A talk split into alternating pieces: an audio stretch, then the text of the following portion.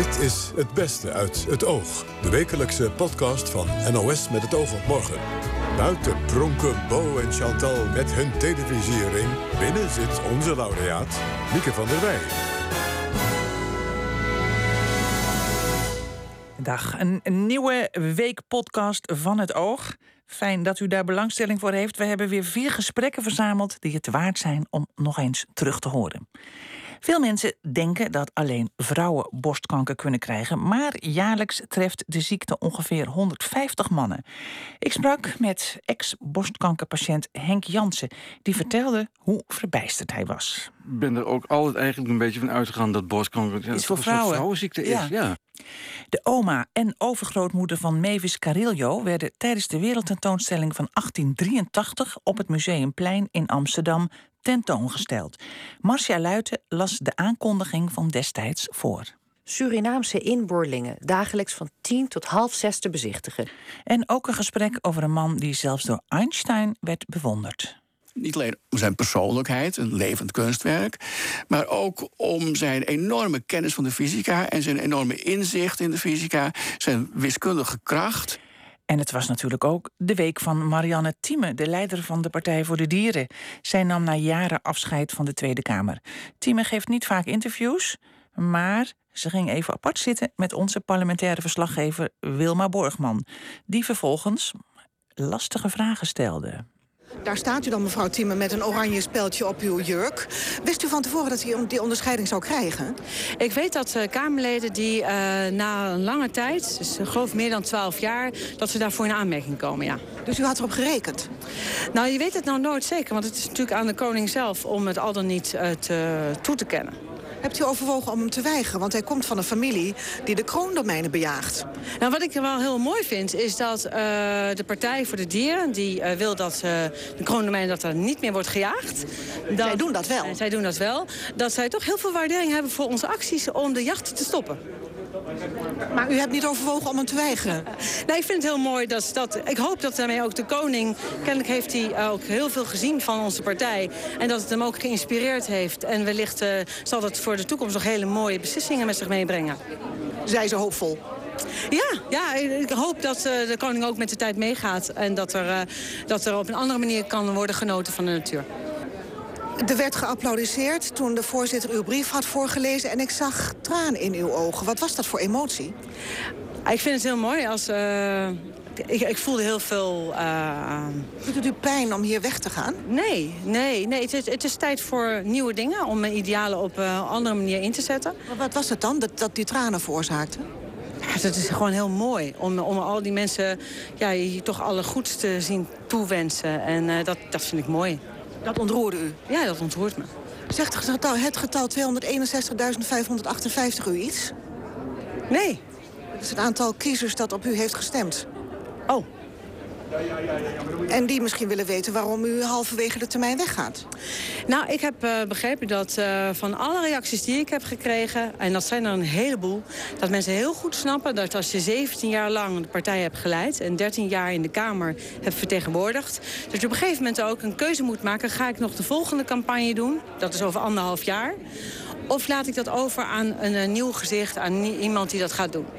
En nu krijg, geef ik de partij de kans om anderhalf jaar voor die verkiezingen... dan ook op zoek te gaan naar mijn, mijn, mijn uh, opvolging te, te regelen. Maar is dat niet de vraag die je beantwoordt aan het begin van een termijn? Moet ik nog een termijn willen doorgaan?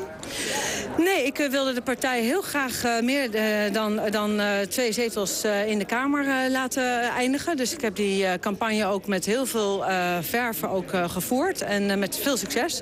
En toen ook dit jaar de statenverkiezingen en de Europese verkiezingen ook tot winst leidden... dacht ik van nou heb ik 25 verkiezingscampagnes gedaan. Nu is het tijd om de partij naar een, mijn opvolging te laten zoeken. En u vindt dat geen bedrog ten opzichte van de mensen die op u hebben gestemd? Nee, vind ik niet. Hoe laat u de partij achter, vindt u? Want u zegt vijf zetels, dat klopt. De partij heeft vijf zetels gehad bij de laatste verkiezingen. Er is één uh, lid uh, afgescheiden ondertussen... omdat er een discussie is over hoe de partij verder moet. Hoe laat u de partij achter? We hebben een ijzersterke fractie die uh, staat voor de koers... die wij de afgelopen 13 jaar hebben ingezet. Afgelopen 17 jaar, moet ik zeggen. Dat er binnen een partij altijd ook andere meningen zijn... particuliere meningen van leden. dan, dat, dat is natuurlijk logisch. Dat hoort een politieke partij ook alle ruimte voor te bieden. En ik zie uit naar de discussies daarover. Ja, u zegt leden, maar het is de voorzitter en het is een Kamerlid. Dus het, mensen die willen dat de partij verbreedt, dat het meer over mensen gaat.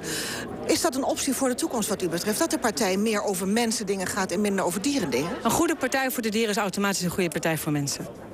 Dus Femke Merel van Koten en de voorzitter van uw partij hebben gelijk. Ik heb helemaal niets toe te voegen of uh, af te doen aan wat, uh, wat deze twee mensen zeggen.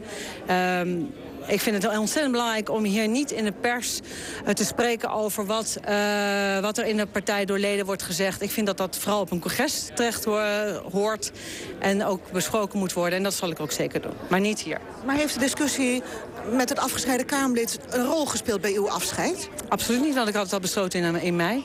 En uw gezondheid, want daar waren ook vragen over. U bent een tijdje uit running geweest. Ik ben helemaal live in kicking.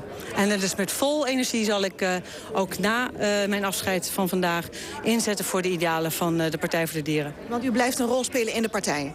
Ja, maar hoe dat is nog, dat, dat, dat zal ik nog wel zien. Marianne Thieme, we zien haar vast nog wel eens ergens terug. Vrouwen worden uh, tweejaarlijks gecontroleerd op borstkanker. Bij mannen komt de ziekte zo weinig voor dat daar geen screening voor is. Henk Jansen ontdekte bij toeval dat hij die ziekte had. Net zoals veel andere mannen die ziekte kunnen krijgen. Ik was al gediagnosticeerd en behandeld voor um, uitgezaaide blaaskanker. Dat is in 2014 is dat geconstateerd. Uh -huh. En twee jaar later, gedurende zeg maar, de, de procedure die volgt na die blaaskanker... Uh, word je uh, regelmatig gescand om de drie maanden. Ja. Tijdens een van die scans was er een plekje in mijn borst geconstateerd. Achter mijn tepel. Ja. En uh, ja, dat bleek... Uiteindelijk bleek dat dus toch borstkanker te Had zijn. je daar ooit aan gedacht dat je dat zou kunnen krijgen? Absoluut. Nee, nee, helemaal niet. Nee, nee, ik ook niet. Ik, ik ben er ook altijd eigenlijk een beetje van uitgegaan dat borstkanker... Ja, is voor een vrouwen. vrouwenziekte ja. is, ja. En vond je het ook een beetje gênant? Ja, nee, dat Nou ja. je dan niet. Dat je een beetje schaamte... Nee, maar, nee, nee, ik vond het niet echt gênant. Nee. Nee. maar het, het, is, het is wel raar dat je... Ja, blaaskanker is niet fijn, en borstkanker erbij. Ja. Dat, ja, dat was dan wel weer een dingetje extra. Ja. Ja. Maar echt gênant vond ik het niet. Nee. Nee. Ik, eh, Carolien Schreuder, hoeveel mannen krijgt u jaarlijks in uw spreekkamer? Nou ja, het zijn natuurlijk uh, rond de 100 mannen per jaar. Uh, Mhm. Ik zie mannen uit de noordelijke regio van het land. Ik denk dat er een man of vijf zijn per jaar. Ja. Is echt uitzonderlijk, hoor. Het is echt Ja. uitzonderlijk. Nou ja, Ja. ik, ik las dat er in 2018 131 en 14 tot 15.000 vrouwen per jaar krijgen de diagnose. Dat is natuurlijk een echt een gigantisch verschil. Eh, ik begrijp dat mannen relatief laat bij een arts aankloppen. Maar ja, want hoe, hoe, hoe kom je erachter? Kijk, vrouwen gaan iedere twee jaar naar zo'n borstkankerbus. Ja, dat klopt. De screening voor eh, vrouwen, eh, dat is ehm, ja, iedereen bekend. En bij mannen eh, is de, de, de kans dat er iets gevonden wordt zo ontzettend klein... dat dat niet standaard wordt gedaan, dat klopt. Het, ja, het alternatief is natuurlijk ja, het zelf onderzoeken van de borst. Mannen hebben eh, borstklierweefsel. Ja, dat, kun je ook gelukkig niet. wel. eh, ja, ze hebben ook eh oestrogenen zelfs en een borstklier. Dus, maar goed, je kunt de borstklier wel goed voelen van buiten. Hè. Dit is natuurlijk een kleine klier wat dat dan gaat. Dus in dat opzicht is zelfonderzoek bij mannen wel degelijk heel goed mogelijk. Dus ze moeten net zoals vrouwen eigenlijk hun borsten, nou ja, tenminste hun borstpartij be- bevoelen. Ja, eigenlijk wel. Ja. Dat is een van de, uh, de dingen. Uh, maar ik denk dat, dat een andere uh, ja, factor misschien kan zijn... dat mensen zich bewust zijn van het feit dat dat een man een vrouwenziekte zoals borstkanker kan krijgen. Dat het kan gebeuren en dat het inderdaad ook zinvol is... Ja. om af en toe de borstklier te controleren. Ja. Eh, Henk, hoe ben jij behandeld voor, de, voor die borstkanker? Ik ben geopereerd. Ja. Mijn eh, borst is geamputeerd ook. En, Ja, maar je, je- hebt toch niet echt een, als man heb je toch niet echt een borst? Ja, dat dacht ik ook dat zo was. Want ik, ben, ik heb ook gewoon een mammografie eh, hebben Ja? ze bij mij gedaan. Hoe doen ze dat dan? Ja, ook nou, precies zoals bij vrouwen. Want nou de- ja, bij vrouwen wordt die borst Ja. helemaal zo van je lijf getrokken Ja. en dan gaat hij zo plat onder zo'n zo'n zo, plak, zo'n glazen... Denk ik, Maar de mevrouw die, die, die dat bij mij deed, die zei... er zijn- ook vrouwen met hele kleine borsten. Ja. Dus dat, dat, eh, ja, dat, dat kan bij vrouwen. Dat kan. kan, dus ook bij mannen. Nou, het is geen pretje, hè? ik vond het verschrikkelijk. Ja. Ja, heel Ik pijnlijk. ben blij dat ja. de man dat nou... Ja. Wij, de- Ja, wij ik denken weet- dan altijd, ja, mannen begrijpen dat niet. Maar Ja. eigenlijk heb ik hier een man die Ja, dat dan wel ik- begrijpt. Ja, ik- ja, nee, dat, dat is ook zo. Het, Ja. is, het was, het was heel vervelend, heel pijnlijk. En, en, en met name die onderzoeken waren pijnlijk. Maar uiteindelijk de behandeling zelf, ja, dat is een operatieve ingreep geweest. En daarna ja, herstel je vrij snel. Ik heb dan, ben wel bestraald ook, 16 keer in totaal. En dat ging, eh, dat ging gewoon heel goed. Ik, ik begreep, eh, mevrouw Schreuder, dat de, de, de tumor meestal in de buurt van de, van de tepel Tepel, zit. En die moet er dan ook uit of af? Ja? Ja? Bij mij wel. Ja, Ja, is dat ja, eigenlijk ja. altijd zo, mevrouw Schreuder? Moet de tepel er altijd af? Want bij vrouwen kan je vaak toch een borstbesparende operatie doen. Ja, dat, dat klopt. Eh, daar is natuurlijk eh, over het algemeen ietsjes meer ruimte voor Ja. eh, dan bij een, eh, een, een mannenborstklier. Eh, het klopt ook dat inderdaad bij mannen toch vaker een amputatie wordt verricht. Ehm, maar dat, eh, dat is eh, meer een technisch aspect dan dat het Ja. eh, niet zou mogen of iets dergelijks. Hoezo niet zo mogen, dat snap ik niet helemaal. Nou, dat, het, dat er eh, andere redenen voor zijn. Er is niet een oncologische reden om het anders te doen. Eh, Nee, je kunt best een sparende operatie doen bij een man. Hm. Maar het is vaak om technische redenen toch... Hè, kleine borstklier, et cetera, wel... eh, nou, juist, mis- nou, misschien beter. voor een mannen ook minder beladen om, om, om zo'n tepel te missen. Weet ik weet het niet. Ja, nou, ja, dat, dat denk ik wel. Ja, ik Ja. denk dat het voor mannen een iets ander verhaal Ja, is dan, dat denk ik dan ook. voor vrouwen. Mevrouw Schreuder, komt het vaker voor bij een bepaald type man? Dat is een hele goede vraag. De, mm, eh, we zijn nog heel druk op zoek naar eigenlijk wat de risicofactoren zijn voor het eh, ontwikkelen van borstkanker bij mannen. Ehm, eh, ja, een bepaald type man. Als er al een type man is dat het eh, iets vaker krijgt, dan zijn het eh, mannen die eh, erfelijke borstkanker in de familie hebben. Ehm, de eh, mannen die borstkanker krijgen, worden daarom ook allemaal uitgenodigd voor erfelijkheidsonderzoek. Omdat we weten dat, eh, dat eh, toch een hoger percentage van hen ook een erfelijke vorm van borstkanker kan hebben. En dus ook in de familie dat kan voorkomen. Ja. En andersom is dat dus ook zo. Als je erfelijke borstkanker in de familie al hebt, dan heb je als man ook een hogere kans om eh, borstkanker te ontwikkelen. En moeten ze ook ho- hormoontherapie ondergaan? Eh, vaak wel, Ja? omdat we weten dat eh ja, 99% van de eh, borstkankers die mannen ontwikkelen, zijn hormoongevoelige borstkankers.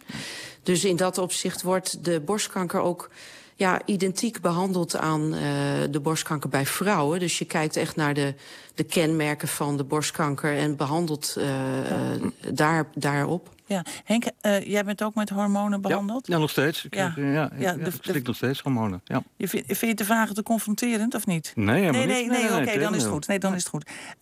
Krijg je dan ook eh, opvliegers? Ik niet.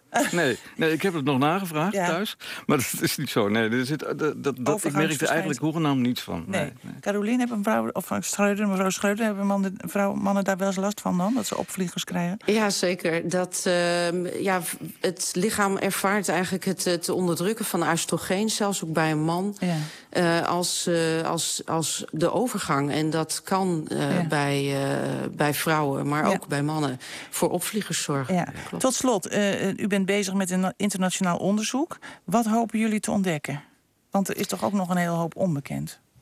Dat klopt. Nou, een van de belangrijke dingen is natuurlijk... eh, eh, hè, we behandelen mannen met borstkanker over het algemeen... precies zoals we vrouwen met borstkanker behandelen. En op zich gaan de, eh, ja, is de prognose wel verbeterd in de loop van de jaren... maar dat, dat is nog steeds eh, toch... eh, kan daar meer verbeteringen in komen. Een van de dingen is dus vroegere diagnostiek... Ehm, eh, maar een van de andere aspecten zou kunnen zijn dat we een behandeling vinden die specifiek op borstkanker Ja, bij mannen gericht precies. zou zijn. Daar hebben we eindeloos veel weefselonderzoek voor nodig. eh, bloedonderzoek, et cetera. Dat zijn echt dingen die je in internationaal verband eh, moet uitvoeren. Ja. En daar zijn we inderdaad druk mee bezig. Ja, omdat het nu zo is dat het eh, vaak al uitgezaaid is hè, tegen de tijd dat mannen aankloppen. Maar dat was bij u. Nee, gelukkig dus niet. gelukkig Nee, nee, niet. nee. nee. Nou. was er heel snel bij. De reis van Syntax Bosselman won een zilveren griffel. Het boek behandelt het Nederlands slavernijverleden en vertelt ook het verhaal van 28 Surinamers die in 1883 naar Amsterdam werden gebracht. Ze werden tentoongesteld op de wereldtentoonstelling op het Museumplein. Marcia Luiten sprak met Mavis Carillo. Twee van die 28 waren haar oma en overgrootmoeder. Wat was het idee van die wereldtentoonstelling? Het was een, eigenlijk een soort mode om wereld, voor landen om wereldtentoonstellingen te organiseren. Brussel was geweest, Parijs was geweest. En eigenlijk was het een manier om als land te, te laten zien wat je zo al hebt bereikt in de wereld. Eigenlijk om je koloniale kracht te laten zien. Dus wat je hebt bereikt, dat was het tentoonstellen van mensen uit de koloniën. Ja, want de mensen uit de koloniën die werden beschouwd als, uh, als exotische ja, mensen, eh, exotische objecten eigenlijk. Um, en dat liet dan zien wat de rijkdom was van, het, uh, van de koloniale mogendheid. Daardoor, daarvoor werden mensen dan vanuit de hele wereld eigenlijk gehaald om tentoongesteld te worden. In een circustent? In een circustent op wat nu eigenlijk het museumplein is. Rijksmuseum stond er nog niet, dat was in aanbouw. Dus het was um, een beetje, ik stel me voor, een, beetje grote, de stad. Ja, een grote tochtige vlakte. Ja, ja. En hoe kwam het eigenlijk dat uw overgrootmoeder en, en haar dochter, dus uw oma, Ja. naar Amsterdam werden gebracht? Er was een eh, Surinaamse meneer die, werd, eh, die is gevraagd door een aantal Amsterdamse particulieren om mensen te ronselen, om mee te nemen eh, voor de wereldtentoonstelling. Het, uiteindelijk het initiatief was van een aantal Amsterdammers, samen met de Amsterdamse gemeenteraad. Die hadden bedacht, we gaan een wereldtentoonstelling organiseren. Ehm, en deze man die heeft in, eh, in Paramaribo moest hij mensen, eigenlijk net een ark van Noah, mensen uit verschillende bevolkingsgroepen eh, overhalen om eh, naar Amsterdam te komen. Ja, want ik heb hier de expositie, hoe die werd aangekondigd. En dat was, aanhalingstekens openen... Surinaamse inboorlingen, dagelijks van tien tot half zes te bezichtigen.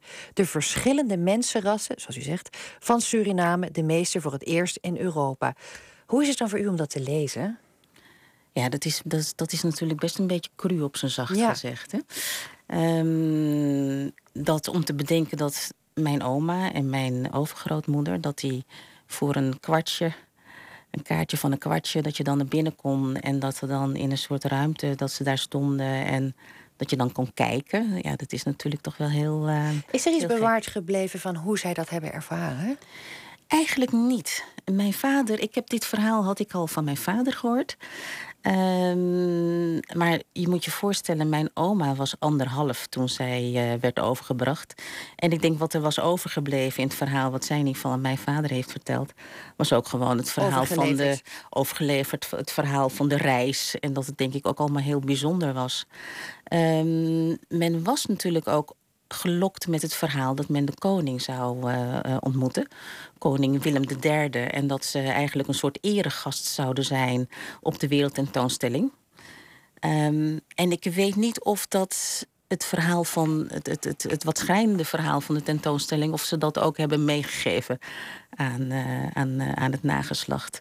Ik kan, eh, wat ik me van mijn vader kan herinneren, was dat hij eigenlijk ook vooral best trots was dat, eh, ehm, dat ze beiden hier waren geweest. En hebben ze daar ook nog iets aan overgehouden in materiële zin? Kregen ze iets betaald? Nee, nee, helemaal niet. Ze zijn, eh, de, de wereldtentoonstelling duurde vijf maanden. Ze zijn wel drie maanden langer gebleven. En dat hebben ze gedaan onder het beding dat, eh, dat, eh, dat ze dan een deel van de kaartverkoop ook zouden krijgen. Dus ze zijn inderdaad wel met een, met een klein bedrag, nou in deze tijd in ieder geval met een klein bedrag weer teruggegaan naar Suriname. Maar dat was niet, dat was niet ingecalculeerd. Ja. Ehm, ik zei het in de introductie, dat boek waar ik aan refereer, dat kinderboek, dat gaat over het Nederlandse slavernijverleden. Dit gebeurde in 1883 hè, en toen was de slavernij in Suriname was al twintig jaar afgeschaft. Eh, hoe verhouden die twee zich dan tot elkaar? Ehm, in feite was, ehm, ja, als ik, als ik terugkijk naar het boek, waar, waar was de wereldtentoonstelling, was de aanleiding voor, of de rode draad in het boek. En vanuit dat boek gaat eh Arend van Dam allerlei landen af waar eh, slavenhandel was. En daar vertelt hij over. Ehm, de wereldtentoonstelling op zichzelf had, was had niks te maken met slavernij. En tegelijkertijd was het ook wel weer een uitvloeisel daarvan. Ja. Omdat het nog steeds ging om eh, de, de, de meester- en de slaafverhoudingen. En Ja. het nog steeds eigenlijk ging. Eigenlijk laat het zien hoe, slaven, hoe slavernij en slaven, slavernijverleden nog steeds doorwerkt. Ook in het, eh, in het koloniale eh, bewind. Eh, ja, hoe dan? Nou ja, omdat je eigenlijk dan weer ziet hoe mensen als object worden behandeld. Ja, dus die, die verhouding. Want wat ik ook las, wat me fascineerde, is dat ehm, ehm, uw overgrootmoeder en uw oma waren van Indiase afkomst. Klopt. En die waren dus naar Suriname gebracht. Waarom? Nou, alleen mijn overgrootmoeder. Mijn overgrootmoeder was een contractarbeidster. Dus in 1863 was de slavenhandel formeel afgeschaft omdat men toch op de plantages nog steeds arbeid nodig had, eh, had het Nederlandse bewind, hadden de plantagehouders bedacht, dan gaan we dus mensen, arbeiders importeren uit andere landen. En als eerste land was dat India. En vanaf 1873 kwam mijn, eh, eh, is mijn overgrootmoeder gekomen. Zij kwam met het tweede schip. Er was al een eerste schip geweest. Volgens mij hetzelfde jaar, 1873, de, de Lalaroek. En zij kwam met het tweede schip. En dan eh, werden dus uit India mensen geronseld om in eh, Suriname te komen werken op de plantages. En in die zin eigenlijk de opengevallen plekken van de slaven eigenlijk op te vullen. Ja. En ehm, nou, los van dit boek hè, is er nu ook in Amsterdam dit weekend een tentoonstelling geopend. De grote Suriname tentoonstelling. Ook daarin uitgebreid aandacht natuurlijk voor het koloniale verleden, de slavernij. U zet zichzelf persoonlijk ook echt in voor culturele diversiteit. Hoe kijkt u nou naar het verschijnen van dit boek en naar die expositie in, eh, in de Nieuwe Kerk? Ik ben enorm blij met dit soort boeken.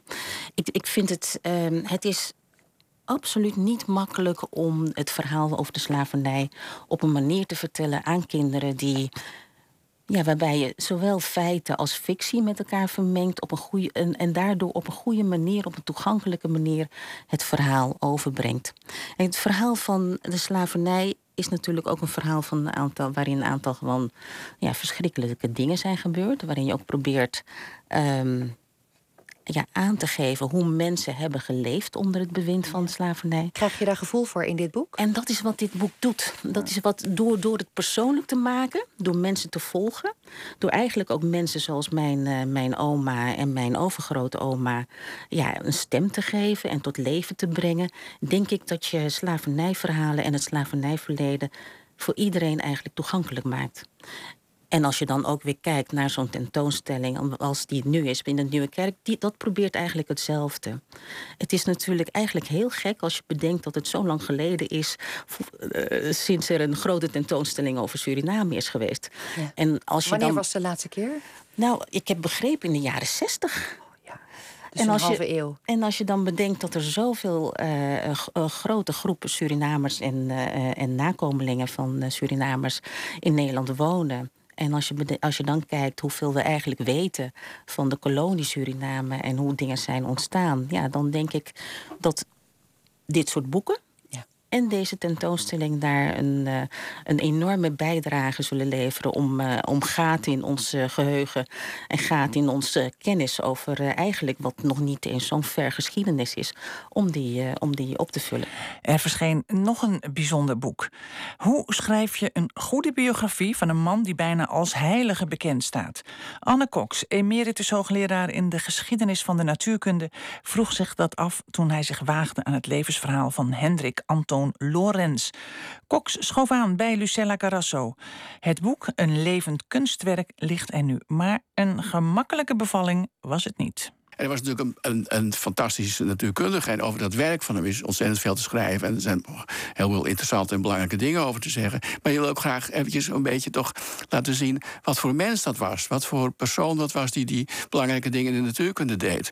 En, daar en waarom ik, was dat zo lastig? Uh, uh, onder andere omdat er heel weinig privégegevens van hem bekend zijn. Hij heeft dus bijvoorbeeld zijn weduwe heeft uh, onmiddellijk na zijn dood... drie pakken met brieven die hij had, speciaal had... had achtergelaten en met de instructie erop na mijn dood verbranden. Dat heeft ze dan ook meteen gedaan. En het heeft me veel moeite en tijd gekost om dan toch kleine dingetjes te vinden die een beetje, een beetje, beetje kleur geven aan de man. kleur geven aan hem. En ik heb ook ontzettend veel. Ik heb alle 6000 brieven gelezen die er van en aan hem geschreven zijn. En vooral de brieven van hem. Ik heb heel erg goed gekeken naar wat andere mensen over hem geschreven hebben. Ik heb bijvoorbeeld een heel interessante opmerking gevonden in een condoleancebrief die na zijn dood aan zijn weduwe geschreven is. En welke opmerking was dat? Dat was de opmerking van, van een collega van hem. Die zei van ja, uh, wij weten, en dat bedoelt hij dus de weduwe en ik, wij weten wel dat het leven voor hem niet zo makkelijk was als naar de, als naar de buitenwereld scheen, als de buitenwereld dacht. Maar wist u toen waar dat over ging? Nou, ik, ja, dat, dat weet ik nu ook wel. Want hij was dus toch vaak uh, teleurgesteld in andere mensen. Hij voelde zich vaak uh, toch, uh, als, als mensen niet naar hem luisterden... kon hij ongelooflijk geagiteerd en opgewonden raken. Dat weten we ook van zijn weduwe. En, en nou ja, ik denk dat hij, dat hij gewoon ook, zoals iedereen... wel eens problemen in zijn leven had. Problemen ja, is, had is dat wat je nu begaafdheidsproblematiek zou noemen? Dat je eigenlijk zo snel denkt en zoveel weet en snapt... dat je bijna niet kan vatten als andere mensen jou niet snappen? Nee, ik denk niet dat je dat zo zou kunnen noemen. Ik denk dat het veel meer te maken heeft met dat er dingen in zijn leven gebeurden waar hij geen greep op had. En waar hij bijvoorbeeld, hij had hij in de Eerste Wereldoorlog is er ontzettend veel gebeurd in de, in de relaties, de wetenschappelijke relaties tussen met name de Duitse en de Franse en Engelse geleerden. En uh, Nederland zat er als neutraal land tussen. En hij zat er als, toch een beetje als leider van de theoretische fysica in, in de wereld, en zeker in Europa, zat hij er ook tussen. En hij heeft geprobeerd te bemiddelen en dat is volstrekt mislukt. Want de, de stellingen waren zo verhard, de posities waren zo verhard, dat hij daar geen greep op kreeg. En dat, en dat kun je zien in zijn correspondentie, dat hij, daar, dat hij daar last van had, dat hij daar moeite mee had, omdat hem dat echt verdriet en pijn deed. Dat schrijft hij ook. En uh, ik denk dat je meer aan dat soort dingen moet denken. Dat hij daar gewoon ook misschien wel eens van wakker lag s'nachts. Van hoe moet ik dat oplossen? En hij heeft, na de oorlog heeft hij ook zich ontzettend ingespannen om die betrekkingen weer hersteld te krijgen. En dat is eigenlijk is dat niet gelukt dat is, dat is blijven steken in onwil van Duitsland en in rancune en, uh, en ook wel terechte uh, ja, uh, boosheid van, de, van met name van de Belgen. En dat zal hem ook gepijnigd en, en, en, en gekweld hebben. Dus dat, je moet meer aan dat soort dingen denken. En hoe was het voor hem? Want nu is er in deze tijd heel veel aandacht voor slimme kinderen, excellent onderwijs, allerlei kansen. Dat was denk ik in die tijd toch wel wat anders. Hoe was het voor hem? Want hij was al vroeg heel slim. Ja. Om, Hoe was zijn gang binnen het onderwijs nou, in die ik, tijd? Ik denk dat hij, dat, hij, dat hij heel veel geluk heeft gehad met een, uh, een meester, een, leer, een, een, leraar op de, op de lagere school die hij had. Die hem uh, enorm stimuleerde en hem extra dingen liet doen, extra dingen liet, uh, ook liet leren. En op de middelbare school had hij een paar, dat was dus de, de fameuze HBS, die toen net in opkomst in Arnhem, was. Hè? In Arnhem, ja. En daar had hij een, ook een paar leraren die, hem, die, hem, die zijn talent onderkenden en die hem ook enorm stimuleerden en hun best deden om hem meer te laten doen of meer, te, meer kansen te geven dan een gewone leerling uh, had en, en kreeg. En, en dat heeft, heeft, hij later ook nog wel, toen hij, toen hij uh, zijn 50-jarig uh, doctoraat vierde in 1925, heeft hij er ook nog op teruggekeken en nog weer eens een keer gememoreerd hoe die leraren een belangrijke rol in zijn leven hebben gespeeld. Ook in zijn keuze, bijvoorbeeld voor de studie van natuurkunde. En hij was een beroemde Nederlander, hè? dat beschrijft u ook. Hoe groot was zijn aanzien uh, als volwassene in de wetenschappelijke wereld? In de wetenschappelijke wereld was hij, was hij uh, eigenlijk zonder, zonder dispuut was hij de, de, de, de, belangrijkste theoretische fysicus van zijn tijd. Daar was iedereen het wel over eens. En ook zelfs... Albert Einstein liep met hem weg. Ja, dat was interessant ook. Want het, kijk, Einstein was natuurlijk een unieke persoonlijkheid. En er was een soort van interessante uh, wederzijdse bewondering tussen die twee. Uh, uh, Einstein bewonderde Lawrence om zijn, niet alleen om zijn persoonlijkheid, een levend kunstwerk, maar ook om zijn enorme kennis van de fysica en zijn enorme inzicht in de fysica, zijn wiskundige kracht, zijn, ja, gewoon zijn, zijn, zijn creativiteit. Terwijl Lawrence Einstein bewonderde om zijn vermogen om kun je zeggen, dingen op zijn kop te zetten. Om dingen opeens van een hele andere kant te bekijken. Waar nooit iemand aan had gedacht. Bijvoorbeeld in 1905 als Einstein op het idee komt dat licht misschien ook wel eens zich kan gedragen als deeltjes in plaats van alleen maar als golven.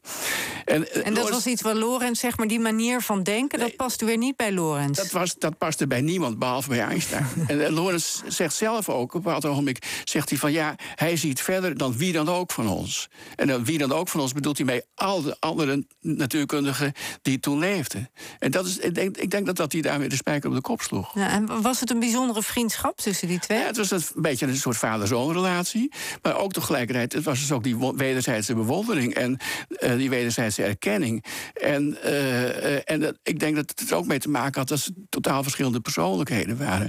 Uh, Lorenz was natuurlijk, wat ik zei, dus die, die toch wel behoorlijk evenwichtige persoonlijkheid. En Einstein, die een rustig en misschien wel saai leven leidde. En Einstein was natuurlijk een, had een turbulent bestaan met verschillende huwelijken en buitenechtelijke relaties. Dat was misschien meer iets voor een biografie geweest, of niet? Of zijn er al een heleboel van? Tientallen. Tientallen. Ja.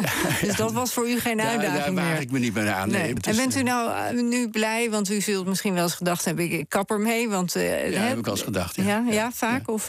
Nou, er zijn wel eens, er zijn wel eens ogenblikken geweest dat ik dacht van nou, dat, ik geef het op. Want ik, ik, ik krijg het niet voor elkaar zoals ik het voor elkaar wil krijgen. Ik kan wel een, boek, een oppervlakkig boek schrijven, maar dat wil ik niet. Ik wil een boek schrijven waarin echt mensen denken van nu heb ik die man een beetje leren kennen. Ja. En bent u daar voor uw gevoel in geslaagd? Ja, want het, is, het, het komt uit, het ligt er, het, is er. Heb het, ik heb het manuscript bij de, bij de uitgever ingeleverd met het gevoel van ja, dit is uh, het, het, beste maximale wat, ik wat je eruit kan halen. Wat ik eruit kan halen. En ik ben er ook tevreden over. Mooi. Interessant boek lijkt me. Nou, dit was het einde van uh, de podcast van deze week, de Weekpodcast. Hartelijk dank voor het luisteren en tot de volgende keer. Tot de volgende week. Want iedere week is er weer een.